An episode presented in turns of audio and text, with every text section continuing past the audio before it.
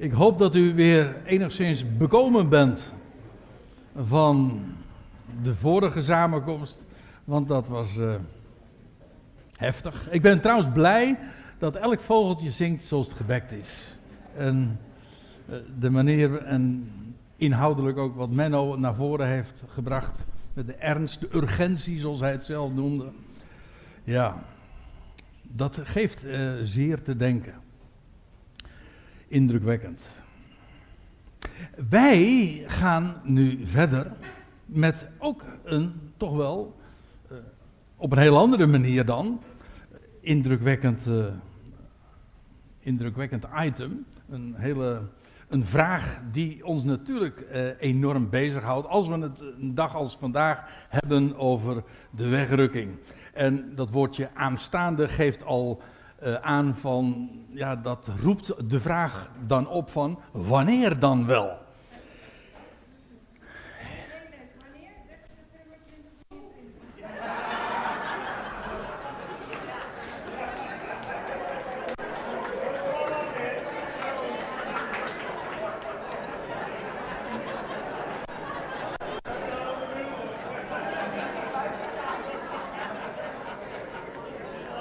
Het is, dan is het wel echt een heel kort dag. Ik ben het altijd gewoon om op deze manier aan te geven op welke dag ik de Bijbelstudie geef. Hoe laat? Om vijf over half drie.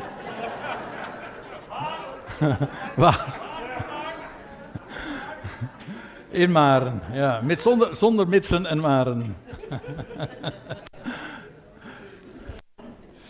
ja.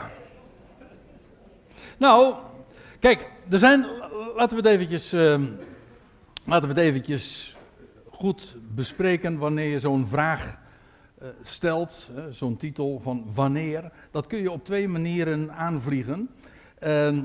de eerste is deze, bij welke gelegenheid zal dat dan plaatsvinden?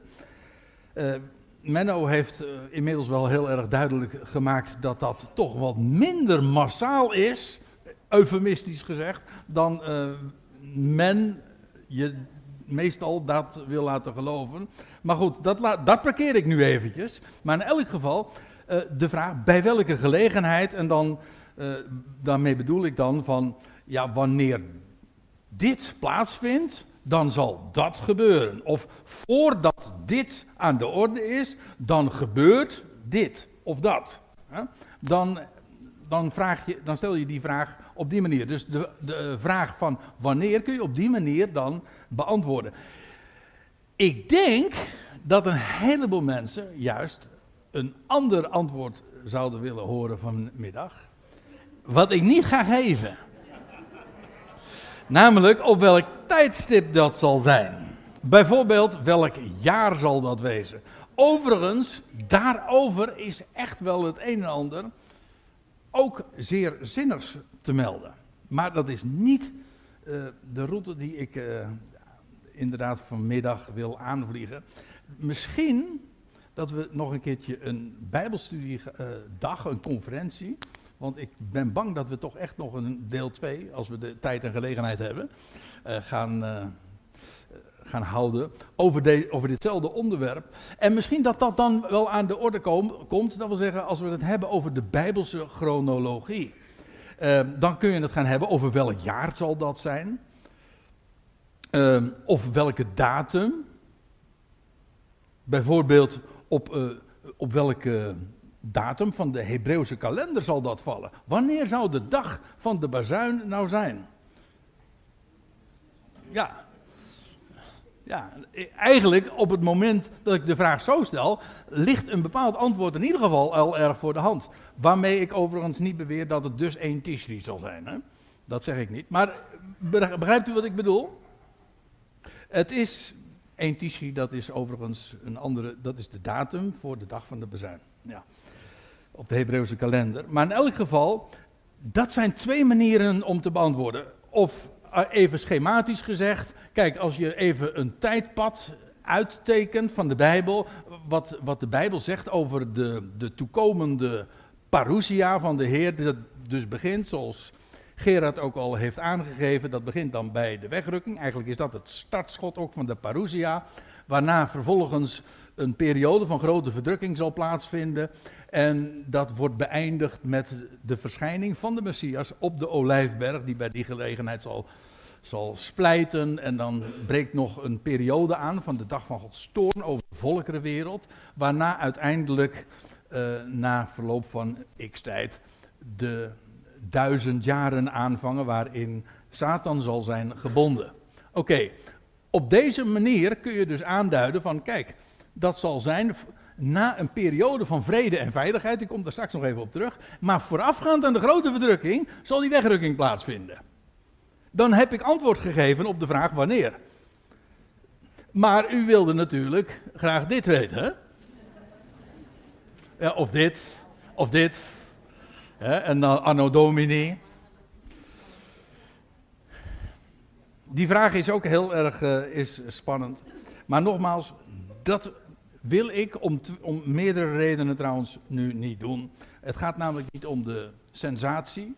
Want het grote gevaar daarvan is, ik, weet, ik spreek uit ervaring, op het moment dat je op die manier dat dan bespreekt, dan blijft één ding onthouden, uh, onthouden de mensen één ding en dat is de datum of het jaartal. En dan niet meer van waar is dat vanuit de schriften op gebaseerd dus het loutere feit dat we het er niet over hebben, wil niet zeggen dat er helemaal niks over te melden valt. Maar eerst is het van belang, wat zegt de Bijbel nu eigenlijk over de, de hele setting? Hè? En dan wil ik u vanmiddag, in de drie kwartier die mij gegeven zijn, door mezelf trouwens. Ja, ik heb het zelf gepland, dus ja. Uh, maar wil ik in die, dat tijdraam, wil ik uh, vijf bijbelse aanwijzingen presenteren voor de chronologische, de tijdrekenkundige setting van de wegrukking. Eigenlijk heb ik het zojuist al eventjes kort aangegeven. Maar laat ik eventjes uh, dat dan heel systematisch doen. En uiteraard met de bijbehorende bonnetjes, de bijbelse schriftplaatsen daarvoor. In de eerste plaats dit. En het kwam vanmorgen bij mijn introductie al even aan de orde. Namelijk dat de wegrukking, zoals we dat dan noemen, of heel dikwijls de opname, dat is een in veiligheid brengen. En dat moet ik dan toch even wat toelichten, want dat woord wegrukking in het Grieks is dat het woordje harpazo. En dat duidt altijd, als je kijkt maar na in een concordantie, dat Griekse woord, dat heeft dan een bepaald strongnummer, dus kun je het heel gemakkelijk, ook als, zonder dat je daarbij kennis van het Grieks hebt, kun je zien van hoe wordt dat bewuste woord dan in uh, in de Bijbel gebruikt. En dan blijkt dat dit altijd duidt op een daad die met grote haast plaatsvindt. Bijvoorbeeld iets of iemand die uit het vuur gerukt wordt. Dat, daar, dat, dat, rukken, daar zit ook, of dat uitrukken, daar zit ook iets van, ja, van haast. Hè. Als de brandweer uitrukt, dan is dat ook, er zit er ook haast bij. En en ook van geweld trouwens. Uh, het wordt ook vaak gebruikt in de zin van roven of met geweld een prooi grijpen. Dat is niet iets wat zo heel lichtvaardig en in slow motion plaatsvindt. Nee, dat is iets met geweld eh, inderdaad er uh, uitdrukken. het was wel grappig, vanmorgen toen, toen werd ik even aangesproken. We gaan het hebben over de Endroeking. Dat is dan het Duitse naam daarvoor. En dat en in het Engels zeggen ze trouwens de rapture. Die is trouwens ook wel veelzeggend. Want daar zit het, daar zit het, uh, het werkwoord rape in. En dat betekent verkrachten zelfs. Wat aanduidt dat uh, het, het, de grondgedachte inderdaad die van, van met geweld en met snelheid iets wegrukken of uitrukken. En een, met in dit geval ook de gedachte van om in veiligheid te brengen. Vandaar dat het woordje opname dat woord dat wij in het Nederlands daar dan voor gebruiken, uh, niet helemaal recht daarvoor aandoet. Want ja, dat. Uh, nou ja, als je, je, kan zo, je kan ook met spoedmoeder uh, worden opgenomen, natuurlijk, dat is waar. Maar hoeft niet per se. Maar u begrijpt, de wegrukking geeft beter aan de urgentie, de kracht, het geweld, het, ook het hele de, de context van, van een noodsituatie en een crisis geeft dat heel goed aan. Vandaar dus dat in feite in de praktijk de wegrukking wordt beschreven als een evacuatie. Vandaar dus ook weer dat, dat plaatje van dat helikopter, die mensen inderdaad uit de situatie uh, in veiligheid brengt. Met grote snelheid, dat mag niet, uh, dat moet inderdaad uh, met haast geschieden. En daar zijn een aantal schriftplaatsen voor, waarin ik dat ook laat, wil laten zien. Eén, is ik heb er daar al eerder voor gewaarschuwd en Gerard zei dat ook al van. Er is wat overlap en dat heeft te maken met onze aanpak van verschillende vraagstellingen die we in de diverse spreekbeurten ons stellen. En dat betekent dat sommige Bijbelgedeelten verschillende keren zo aan de orde komen. Dus eh, opnieuw komt nu 1 Thessalonica 1 aan de orde. En dan lees ik voor uit vers 9. En dan schrijft Paulus over de Thessalonikers eh, en dan blik hij eigenlijk terug en dan zegt hij, want zelf verhalen zij van ons, dat wil zeggen de omstanders, hoe wij bij u, Thessalonikers, ontvangen zijn en hoe gij u van de afgoden tot God omgekeerd hebt. Van de afgoden tot God, de God omgekeerd hebt, om de levende en waarachtige God te dienen. En dan staat erachter, en uit de hemelen zijn zoon te verwachten, die hij uit de doden opgewekt heeft, Jezus namelijk, die ons bergt vanuit de komende toren. En dat woordje bergen, dat heeft uh, de betekenis van, zo wordt het ook trouwens elders vertaald, met, met uitredden. Of beveiligen, of in veiligheid brengen. En dat is dus de reden, als wij, uh, als wij dus de levende en de waarachtige God dienen, dat is de ene kant, hier op aarde. En wat, wat is onze verwachting dan? Wel dat wij zijn zoon, Gods zoon, uit de hemelen verwachten. En wat doet hij dan? Wel, hij zal ons bergen. Niet als zelfstandig naamwoord, maar als werkwoord dus. Hè? Hij zal ons bergen, ons uitredden, in veiligheid brengen. Wel, vanuit de komende toren. Dat is een, een, een soortgelijke term, vind je ook in 1, 1 Timotheus 4, vers 17. Uh, daar wordt gesproken over uitredden, uh, metaforisch trouwens, uitredden uit de muil van de leeuw.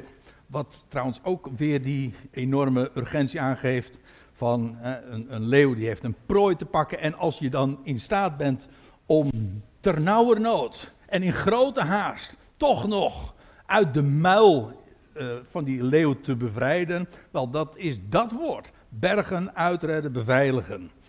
En hier ook er is sprake van de komende toren.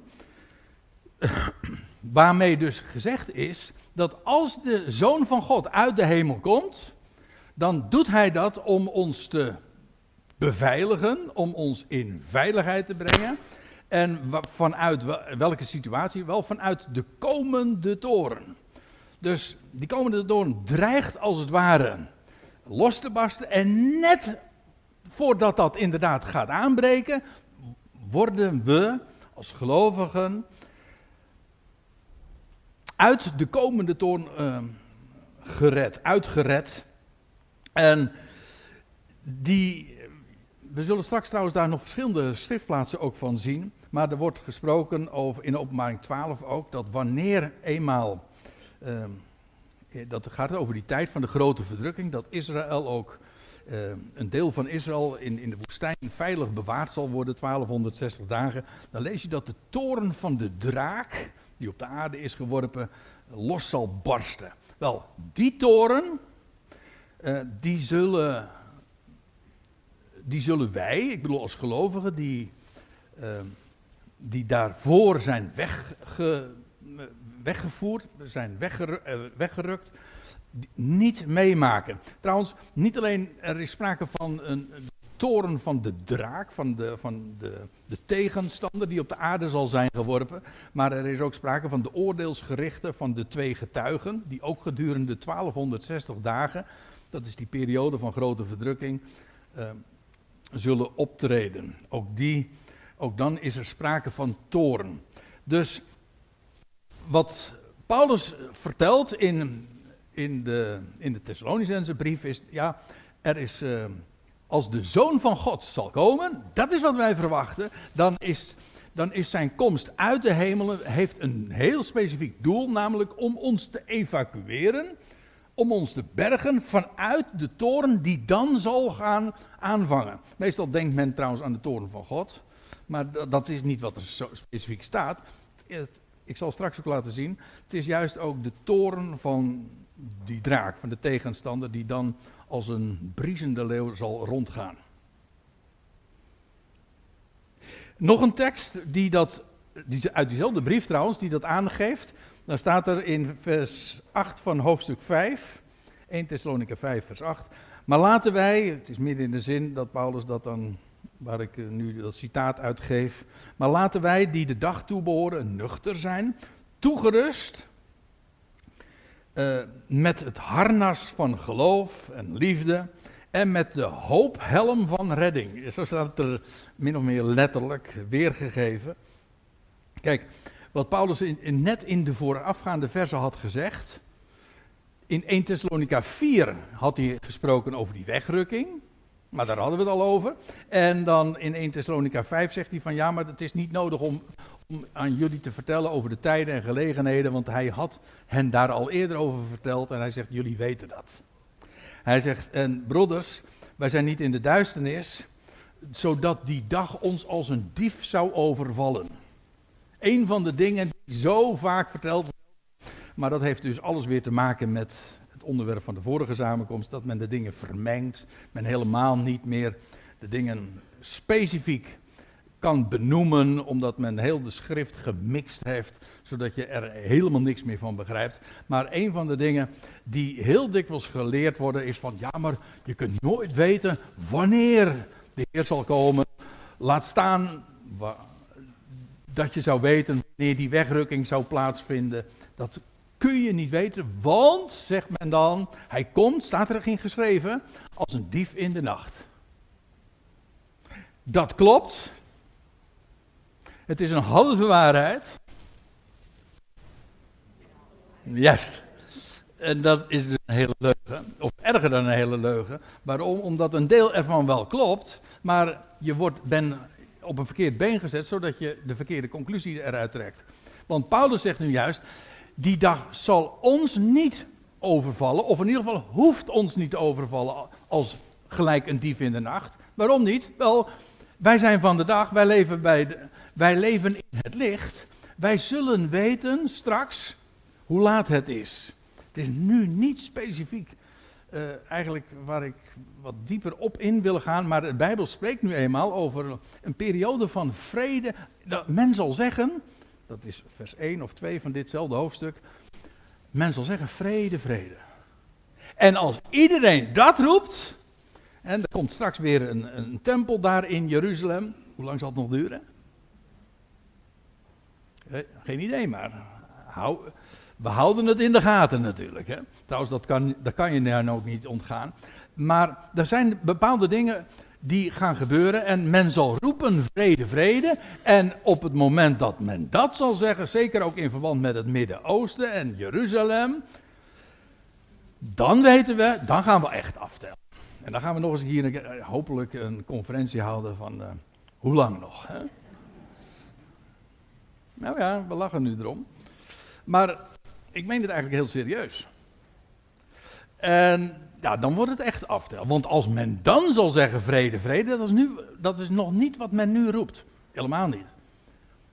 Maar er komt een situatie dat men zal zeggen vrede, vrede. En dan, terwijl iedereen dan idolaat is over de situatie. En dat zelfs misschien als een messiaanse periode zal aanmerken. Juist dan weten we nu, gaat, nu zal er inderdaad uh, dramatische dingen gaan gebeuren. Tenminste voor de wereld. En, eh, maar juist dan weten wij, uh, zijn komst gaat nu plaatsvinden. En die wegrukking gaat nu binnenkort uh, gebeuren. Oké, nuchter, als bij de dag. Hè? En met die hoophelm van redding. Ja, hoezo van redding? Wel, hij komt om ons te redden en te bergen uit die komende toren. En dan staat erbij, want God heeft ons niet gesteld tot toren, maar tot verkrijgen van redding. Door onze Heer Jezus Christus. Hoezo redding? Nou, hij komt om ons te redden uit die toekomende toren. Dus het is helemaal dat idee. Vandaar ook dat er sprake is van een wegrukking. Dus dat is een hele ter zake doende term. Die, dat woord geeft precies aan de urgentie, de noodzaak van redding. Oké, tweede punt. De wegrukking gaat vooraf aan de openbaring van de mens der wetteloosheid. Dat is trouwens niet het onderwerp in eh, de eerste brief aan de Thessalonikers, maar wel in de tweede brief. In het tweede hoofdstuk gaat Paulus daar uh, dieper op in, want wat hij dan vertelt, ik geef even een paar dingetjes vooraf zo uh, ter overweging. De mens der wetteloosheid, die zal zich straks gaan, gaan, gaan zeg het maar, manifesteren in Jeruzalem. Hij zal zich in de tempel God zetten. Maar hij kan nog, dat kan nog niet gebeuren, want er is iets en iemand die hem daarvan weerhoudt. Die hem vasthoudt. Die hem tegenhoudt. En dan betoogt Paulus zijn manifestatie, namelijk die mens der wetteloosheid, die gaat komen. En die zal, eventjes tussen twee haakjes, die, dat zegt de Bijbel dan weer elders. Uh, er zal een, eh, een, tempel weer komen op het uh, tempelplein in Jeruzalem. En dan zal de offerdienst weer hervat worden, een Joodse eredienst. En, maar die zal plotseling worden afgebroken. En in plaats daarvan zal een gruwel, een afgodsbeeld, daar in die tempel gezet worden. En dat is als de mens der wetteloosheid zich in de tempel gods zal zetten. Maar hij kan niet komen, hij kan zich niet manifesteren, want hij, het wacht namelijk op het moment dat de weerhouder, die vasthouder, de tegenhouder, uit het midden zal worden weggenomen of zal verdwijnen. Nou, laat ik dat even. Oh, ik, heb, ik zie dat ik een foutje heb gemaakt. Dat zal ik thuis nog even corrigeren. Het staat hier 1 Thessalonica 2, maar dat moet zijn 2 Thessalonica 2. Nuchter, hè? Ja. En waakzaam. Um, maar dan zegt Paulus dit: laat niemand u misleiden. En het idee was, Paulus reageert daar op een bewering die daar in Thessalonica rondzong van uh, die dag is reeds begonnen. Die dag is reeds aanwezig. Alsof de dag van de Heer reeds tegenwoordig zou zijn. Dat staat in hoofdstuk 2, vers 2 dan. En dan zegt Paulus, reageert Paulus erop, mm, dat kan helemaal niet. Laat niemand u misleiden, op welke wijze ook. Want eerst moet de afstandneming komen. En u ziet, ik heb het hier gecursiveerd, want dat is niet het woord wat u in uw vertaling aantreft. Meestal staat er hier de afval. En het, het woordje apostasia, het is trouwens ook een Engels woord, apostasia, maar apostasia betekent letter, letterlijk het afstand nemen van. Dat kan de betekenis hebben van bijvoorbeeld afstand nemen van Mozes. Zo lees je, de, zo wordt het ook uitgelegd in het boek Handelingen, dat, uh, dat men afstand neemt van Mozes. Maar het kan allerlei dingen betekenen, ook als werkwoord, letterlijk afstand nemen. Dus gewoon vertrekken. Dan wordt het idiomatisch ook zo weergegeven, of weggaan of verlaten. Dus laten we laten we het woord gewoon even letterlijk nemen zoals het zich aandient.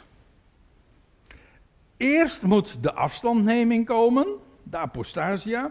En, staat er, zegt Paulus dan, en, en de mensen de wetteloosheid zich openbaren. Dus voordat die dag van de Heer komt, moet eerst de afstandneming komen en de mensen de wetteloosheid zich openbaren. Dat is hij, namelijk de zoon van het verderf. Hij heeft verschillende namen. En, uh, hij heet ook de tegenstander. Die, en wat doet hij? hij? Die zich verheft tegen al wat God of voorwerp van verering heet, zodat hij zich in wat dan de tempel God zal heten, uh, neerzet hè, op de, de, de, heilige plaats, Jeruzalem. De heer Jezus heeft het daar ook over op de, in die reden die hij ooit hield op de Olijfberg. En hij zegt, als je, als je dan de gruwel van de verwoesting ziet staan, dat afgodsbeeld op de heilige plaats, waarvan Daniel gesproken heeft, de profeet. Wie het leest, geven er acht op. Nou, dat, die, dat moment, dat dat afgodsbeeld daar op het tempelplein neergezet wordt, en die mens de wetteloosheid aan zich laat zien van, ik ben God, ehm, zo staat er ook, hè, zodat hij zich in de tempel God zet om aan zich te laten zien dat hij een God is. Ja, dat is dus die gruwel van de verwoesting. En nou lees ik even, sla ik even één vers over en dan komt komen we dus in vers 6 terecht. En dan zegt Paulus, en je weet thans wel wat hem weerhoudt. Die mens der wetteloosheid dus. Hm? Die mens der wetteloosheid, die straks in Jeruzalem zal gaan optreden. Wat er verder allemaal nog over zijn identiteit valt te melden, dat is nu niet aan de orde, want hij staat het hoofd van een rijk met tien landen, et cetera. Laten we allemaal even voor wat het is. Het gaat erom, hij is een mens der en zo heet hij omdat hij zich in de tempel God zal zetten. En, maar er is iets wat hem weerhoudt. Gij weet, en Paulus zegt tegen die Thessaloniërs, dat weten jullie nou wel hè. Je weet nu al wat, wat hem weerhoudt. Totdat hij zich openbaart op zijn tijd. Hij kan nog niet verschijnen, want er is iets wat hem weerhoudt.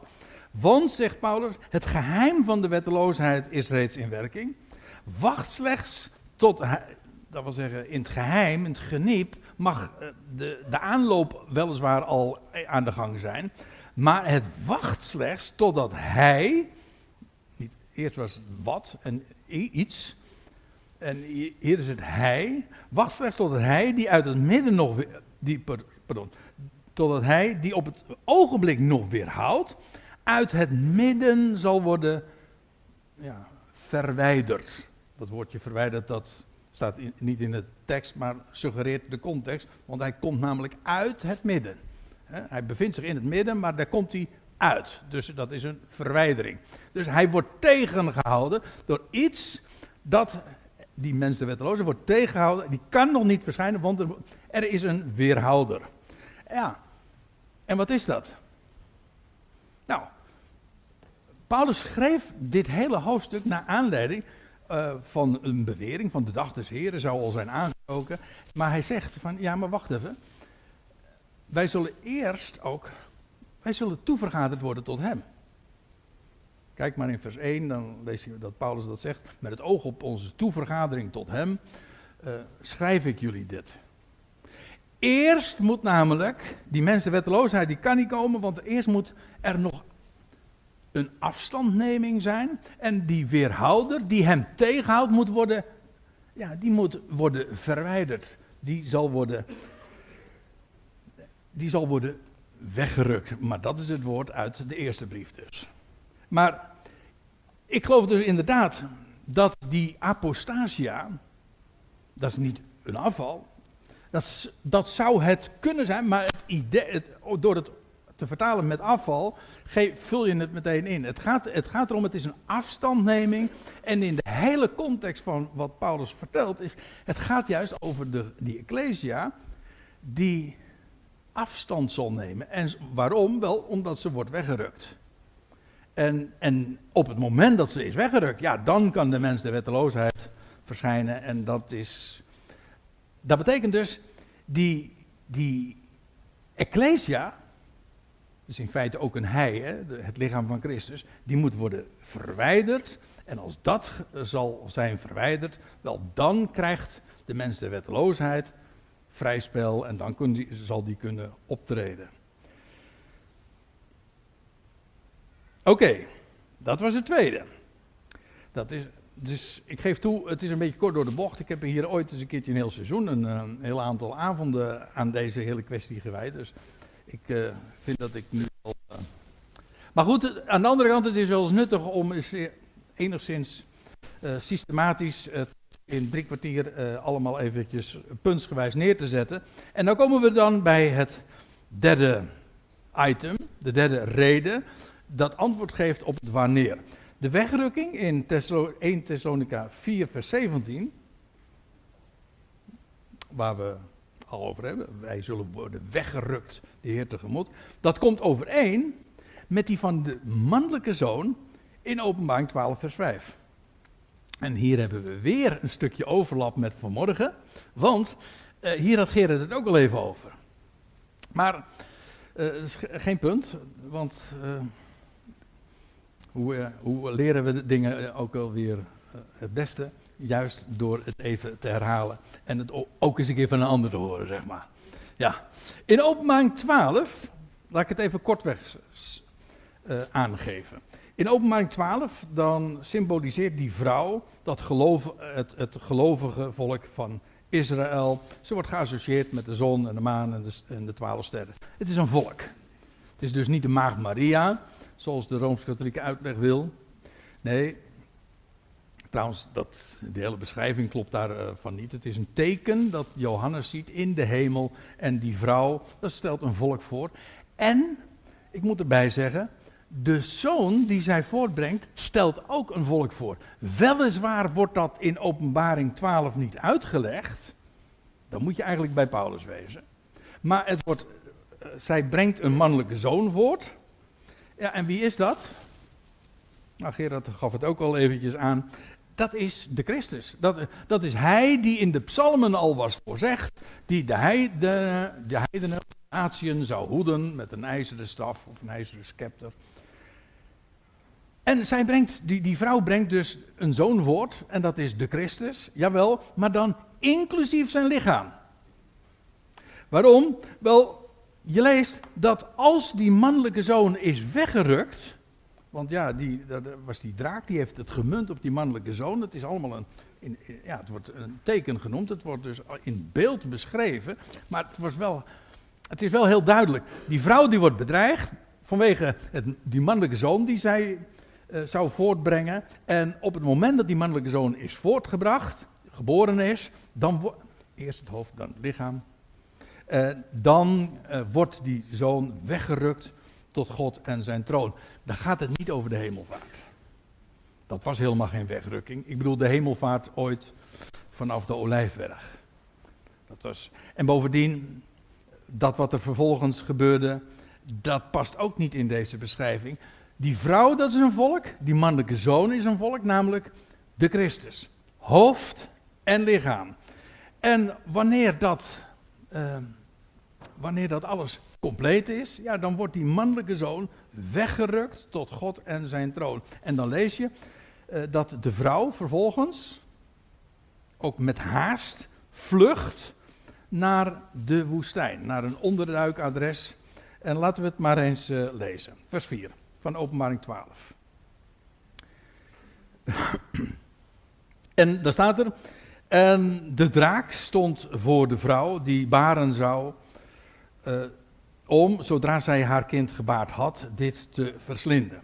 En zij baarde een zoon, mannelijk, dat wil zeggen bestemd ook voor de troon en voor de heerschappij, want dat is een mannelijke, oh dat mag ik niet zeggen natuurlijk, maar hier wel, ja. heersen. Hè? Ja, heerschappij. Heerschappij, dat heeft met een heerschap te maken. Dat is in feite een mannelijke functie. Ik zeg niet dat vrouwen dat niet mogen, maar ik zeg het is een mannelijke functie. Uh, zij baarde een zoon, mannelijk, dat alle heidenen zal hoeden met een ijzeren staf. Dat is de Christus dus. En haar kind werd weggerukt naar God en zijn troon. En ja, dat, dit woord wat hier nu gebruikt wordt, weggerukt, dat is dus exact hetzelfde woord uh, als wat Paulus ook gebruikt in 1 Thessalonica, 5, uh, 1 Thessalonica 4. En wat is het belang daarvan? Wel, in beide gevallen hebben we het ook over dezelfde gebeurtenis. Ook een evacuatie, ook een daad met grote kracht en met urgentie, moet worden weggerukt. En we zien hier ook de reden waarom die mannelijke zoon wordt weggerukt. Ja, voor een bestaand gevaar. Maar ook omdat die mannelijke zoon een belangrijke functie daarboven gaat krijgen. Naar God en zijn troon. Naar boven dus. En dan lees je, en de vrouw vluchtte naar de woestijn, waar zij een plaats heeft, door God bereid. Ja, dat is trouwens wel opmerkelijk, want dat betekent dus die laat ik, eerst, laat even de zin nog helemaal aflezen. En de vrouw vluchtte naar de woestijn waar zij een plaats heeft door God bereid, opdat zij haar daar 1260 dagen zouden onderhouden. Staat hier echt in meervoud. Waarna vervolgens de vraag is, uh, waar, waarom staat dat in meervoud? Maar goed, ik, ik laat het even bij de vraag. Maar in ieder geval, die mannelijke zoon wordt weggerukt. En waarom? Wel, er gaat, er gaat iets heel heftigs gebeuren, want op het moment dat dat gebeurt, gaat die vrouw vluchten naar de woestijn en daar heeft zij een plek uh, door God bereid, ergens daar in het zuiden van, de, van, van Israël, weten wij uh, uit andere gegevens, het gebied van, van Edom. Als mij vraagt, is dat, uh, heeft dat te maken met de rotsstad Petra. Maar goed, daar is een locatie waar zij gewoon bewaard zal worden. Waar ze in veiligheid gebracht wordt. En wel een periode, heel duidelijk ook uh, gelimiteerd, 1260 dagen. Er wordt verschillende keren genoemd, tijd, tijden en een halve tijd. Eén tijd, twee tijd, een halve tijd. Eén jaar, twee jaren en een half jaar. Drieënhalf jaar. Oftewel 42 maanden. Je kunt het op verschillende manieren uh, benoemen, maar de termijn is ge gelijk.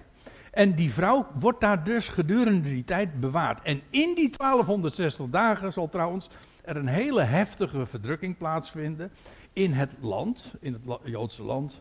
Want als die gruwel van die verwoesting zal worden opgericht, dan dat afgodsbeeld wordt daar neergezet, dan, dan lees je dat, dat, er een geweldige, dat er een enorme verdrukking zal zijn in het land, zoals er nooit geweest is en ook nooit meer wezen zal.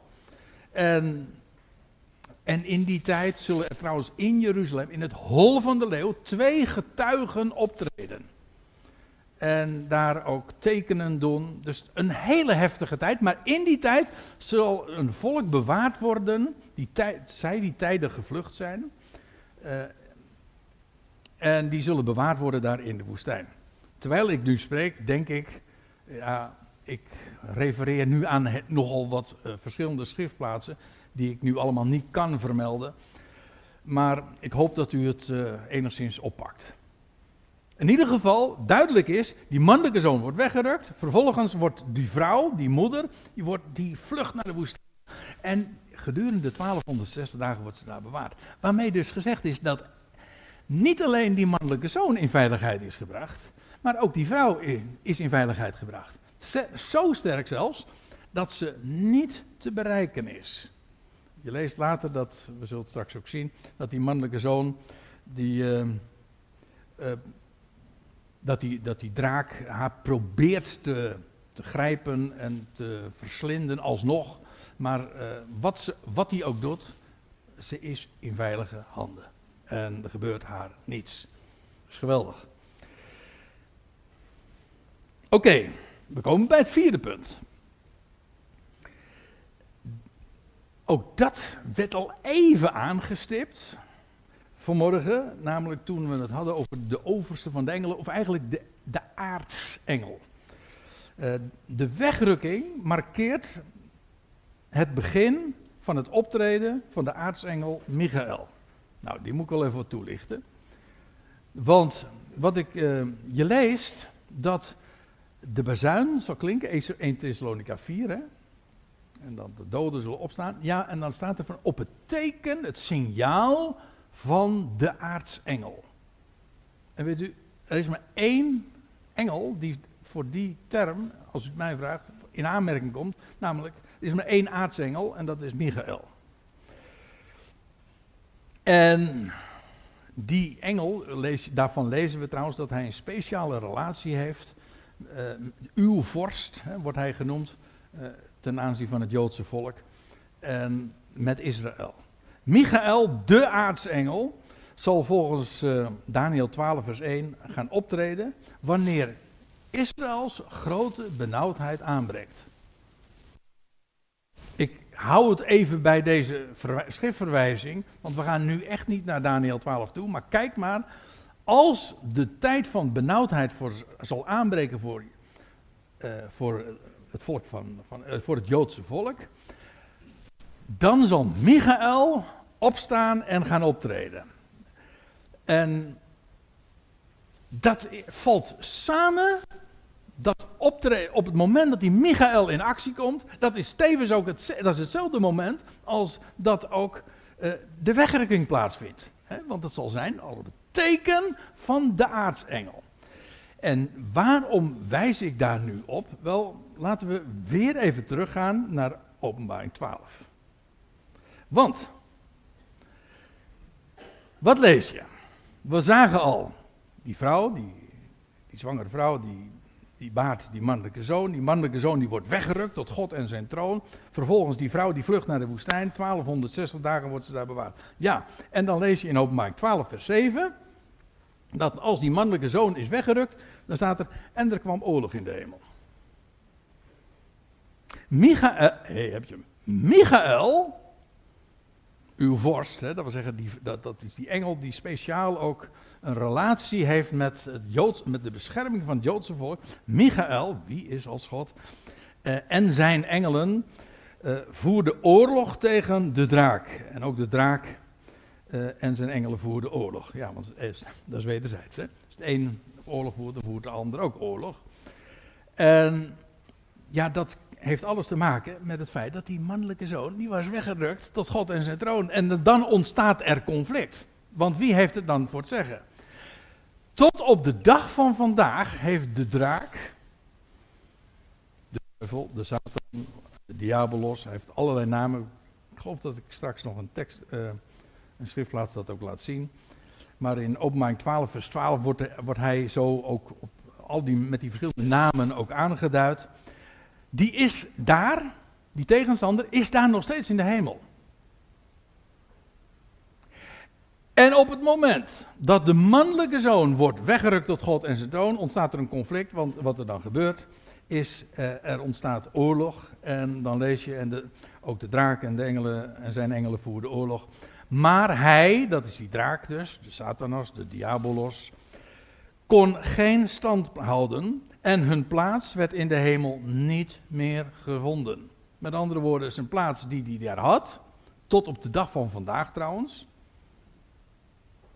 Ja, je leest toch ook bijvoorbeeld in Efeze 6 dat we niet hebben te vechten, hè, dat ons conflict niet is met, de, met vlees en bloed, maar tegen de overheden en machten te midden van de hemelsen, daar. Ja, maar op het moment dat de mannelijke zoon wordt weggerukt tot God en zijn troon, dan ontstaat er oorlog. En wat er gebeurt, is dat een, de draak zijn positie, met al zijn gevolg en zijn personeel, of hoe dat maar heten mag, die zullen allemaal naar beneden worden ge.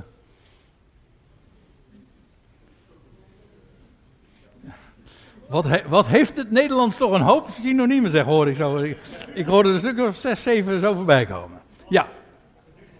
Hij wordt naar beneden, die vind ik het mooiste, geduveld. Ja. Dat werkwoord is speciaal daarvoor. Uh, duvelen. En je kan ook nog beduvelen, maar dat is wat hij zelf doet natuurlijk. ja. In ieder geval, uh, zijn plaats uh, en hun plaats werd in de hemel niet meer gevolgd. En oh ja, daar staat erbij. En de grote draak werd op de aarde, werd op de aarde geworpen. Aha, dus de mannelijke zoon gaat omhoog. Naar God en zijn troon. Oorlog. Met als gevolg. Uh, de draak moet zijn plaats, uh, zijn positie prijsgeven. Hij werd op de aarde geworpen. De, uh, hoe, wordt hoe wordt hij genoemd? De oude slang. Die genaamd wordt duivel. Diabolos, de door elkaar. De duivel dus. Hè. Ons woord duivel komt gewoon van diabolos. Uh, uh, de Satan, dat is de Hebreeuwse naam, de tegenstander. Die de hele wereld verleidt. Ik denk trouwens ook dat dit vooral profetisch is. Hij gaat straks de hele wereld, op het moment dat hij op de aarde geworden wordt, dan, dan gaat hij heel actief worden. U zegt, is hij dat nu dan niet? Nou, maar dan wordt het helemaal, uh, dan gaat hij ook echt heel boos worden. En de Satan die de hele wereld verleidt, hij werd op de aarde geworpen en zijn engelen met hem. Dus heel zijn gevolg. En dat betekent dat vanaf dat moment grote schoonmaak gehouden zal zijn, als ik het zo mag zeggen, daar in de hemel. En alle, de heerschappij is dan in de hemel gevestigd. Ik weet niet of u er zo wel eens bij stilgestaan hebt, maar feitelijk dat waarom, waar ook Gerard het over hebt, had vanmorgen uh, dat wil ik bij deze nog graag eens onderstrepen. Het is inderdaad, de mannelijke zoon gaat geëvacueerd worden, dat is maar niet alleen maar zodat we die vreselijke tijd niet hoeven mee te maken. Dat is, het idee is niet om hen daarvan uh, uh, te vrijwaren van de, de gevaren. Want ik zal u vertellen, er zijn vele gelovigen die dat dan wel zullen mee moeten maken. En trouwens, er is ook een volk.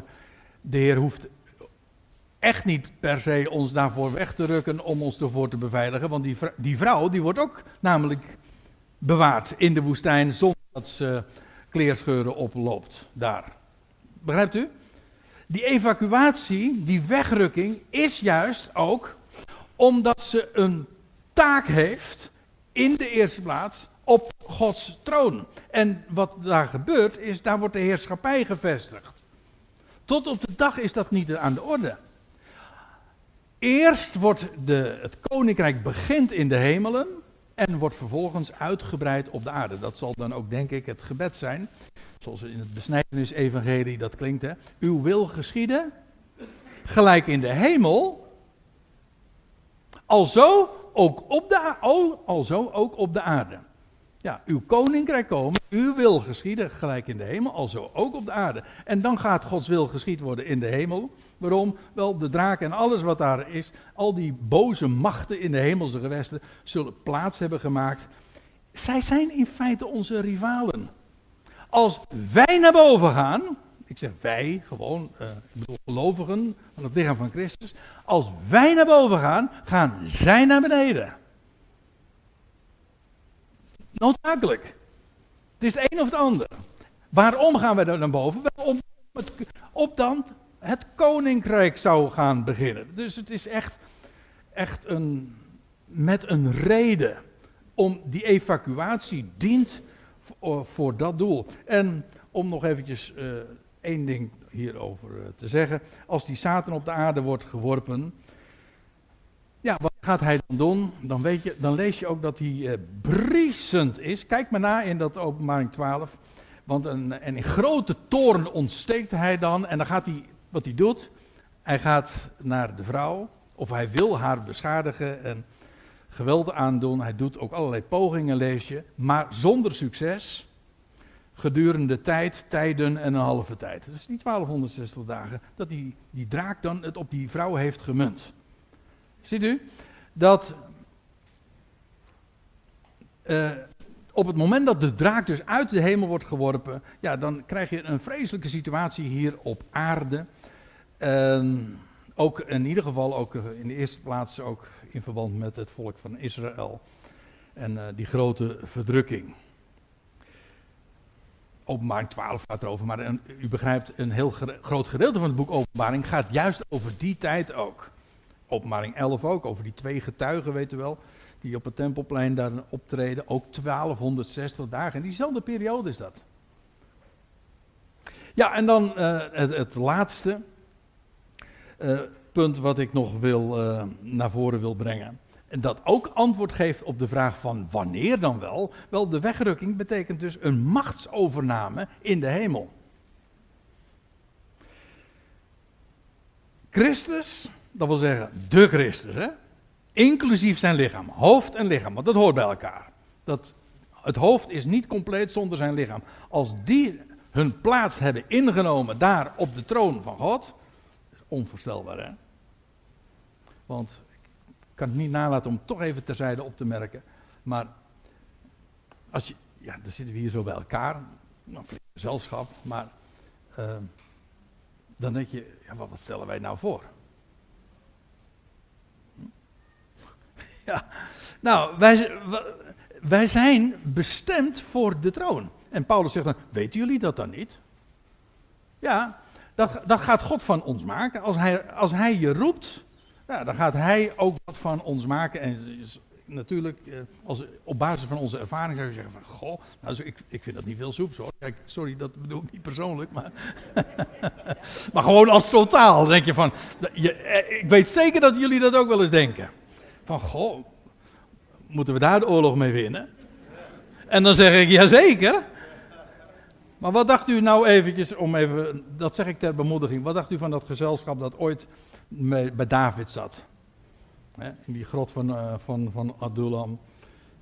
Dat waren ook allemaal eigenlijk lui zeggen, nou god, moeten we daar de oorlog mee winnen. Maar al die mensen die inderdaad bij David daar waren, in het verborgene, toen David al tot koning gezalfd was, maar nog niet op de troon zat, toen had hij daar een gezelschap om zich heen, een, een uitroepsel, jawel. En weet u wat het mooie is? Op het moment dat hij koning werd, kregen zij allemaal een plaats in de heerschappij en een erfdeel of een lotsdeel toebedeeld. En dan zeg waar hebben ze dat nou aan verdiend? Antwoord, hebben ze ook niet verdiend. Ze hebben het gekregen. Een lot uit de loterij. Dus ja, God, God roept geen bekwamen, hij bekwaamt geroepenen.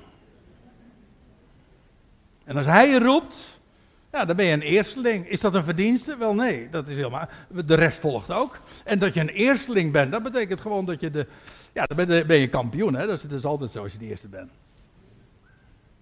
Maar niet omdat wij een prestatie hebben geleverd, maar gewoon omdat we het eerste gevangen zijn. Ja, ik denk nu eventjes, ik, ben, ik kom uit Katwijk, de eerste haringen, weet je wel. Dat, het eerste vaatje, dat, zijn, eh, dat, dat is altijd het duurste natuurlijk. Snapt u? Nou ja, de eerste. Christus, inclusief zijn lichaam dus, wordt weggerukt tot God en zijn troon. Waarom? Ja, om de heerschappij eerst te vestigen in de hemel. En daarom staat er ook in openbaring 12 uh, eh, dat op het moment dat die draak met zijn gevolg op de aarde zal zijn geworpen, dan staat er, en ik hoorde een luide stem in de hemel, in de hemel zeggen, nu geschiet de redding en de kracht en het koningschap van onze God en de macht van zijn Christus, want de aanklager van onze broeders, speciaal ook Israël, die is uitgeworpen. Dat wil zeggen uit de hemel geworpen of eventueel neergeworpen op de aarde, maar in ieder geval, die is niet meer in de hemel. En daarmee is het koninkrijk gevestigd in de hemel. En vandaar dus die evacuatie naar God en zijn troon. En vandaar ook dat als dat eenmaal gebeurd zal zijn, dat men zal roepen halleluja in de hemel hoor, reken maar. Nu geschiet de redding en de kracht en het koningschap van onze God. Want nu gaat die, dat koninkrijk uitgebreid worden. En weet u, die draak die komt op aarde terecht. Maar dat is ook maar korte tijd. Want nog een paar jaar later, bij het, bij het begin van de duizend jaren, lees je dat die, die draak nog een etage lager gaat. Dan wordt hij in de put, in de afgrond geworpen en die wordt afgesloten. En uh, no escape. Dan gaat hij nog een etage lager. Oké. Opgeruimd staat netjes, zeggen we dan. Oké, nou. Nog een paar schemaatjes. Sommige mensen zijn erg uh, beeldgeoriënteerd. Nou, hier heb ik uh, eventjes nog voor de duidelijkheid het idee. Dus de, de Ecclesia wordt geëvacueerd. Dat is wat dus de wegrukking is. Dat wil zeggen, bestemd voor, God, voor Gods troon. Dan vervolgens dat signaal, hè, dat teken van Michael. En wat doet hij? Wel, hij gaat het opnemen voor het volk Israël, maar hij voert oorlog. En Satan wordt uit de hemel geworpen. En uh, grote toren zal dan losbreken. En dan wordt gedurende een periode van 1260 dagen Israël bewaard in de woestijn. Dat wil zeggen, een overblijfsel daar. En aan het einde van die periode dat is trouwens ook aan het einde van die periode dat die twee getuigen optreden. Zal de Heer verschijnen op de olijfberg die dan zal scheuren. En dan ontstaat er trouwens opnieuw een, een vluchtweg, ook weer richting de woestijn. Maar daarover gaan we het nu verder niet hebben. Uh, ik wilde het eventjes gewoon in, in, perspectief plaatsen. Hoezo die wegrukking? En wanneer zal dat zijn? Wel, en waarom dan wel? Ik hoop dat u begrijpt ook dat er logica zit in die evacuatie. Een heleboel mensen, dat is het laatste wat ik erover wil zeggen. Een heleboel mensen denken echt dat de Heer eh, zegt van ja, de Heer bewaart ons gelukkig voor de grote verdrukking. Ja, maar wacht even. Dat is maar niet omdat wij geen verdrukking zouden hebben of zo. Het is omdat we een taak hebben, een uiterst belangrijke taak. Het is het startschot voor het aanbreken van het openbaar worden, om zo te zeggen, van het koninkrijk. Uiteraard, om te beginnen, in de hemelen. En uh, ja, daar volgt nog een heleboel op. Maar ik stel voor dat we het hier even bij laten.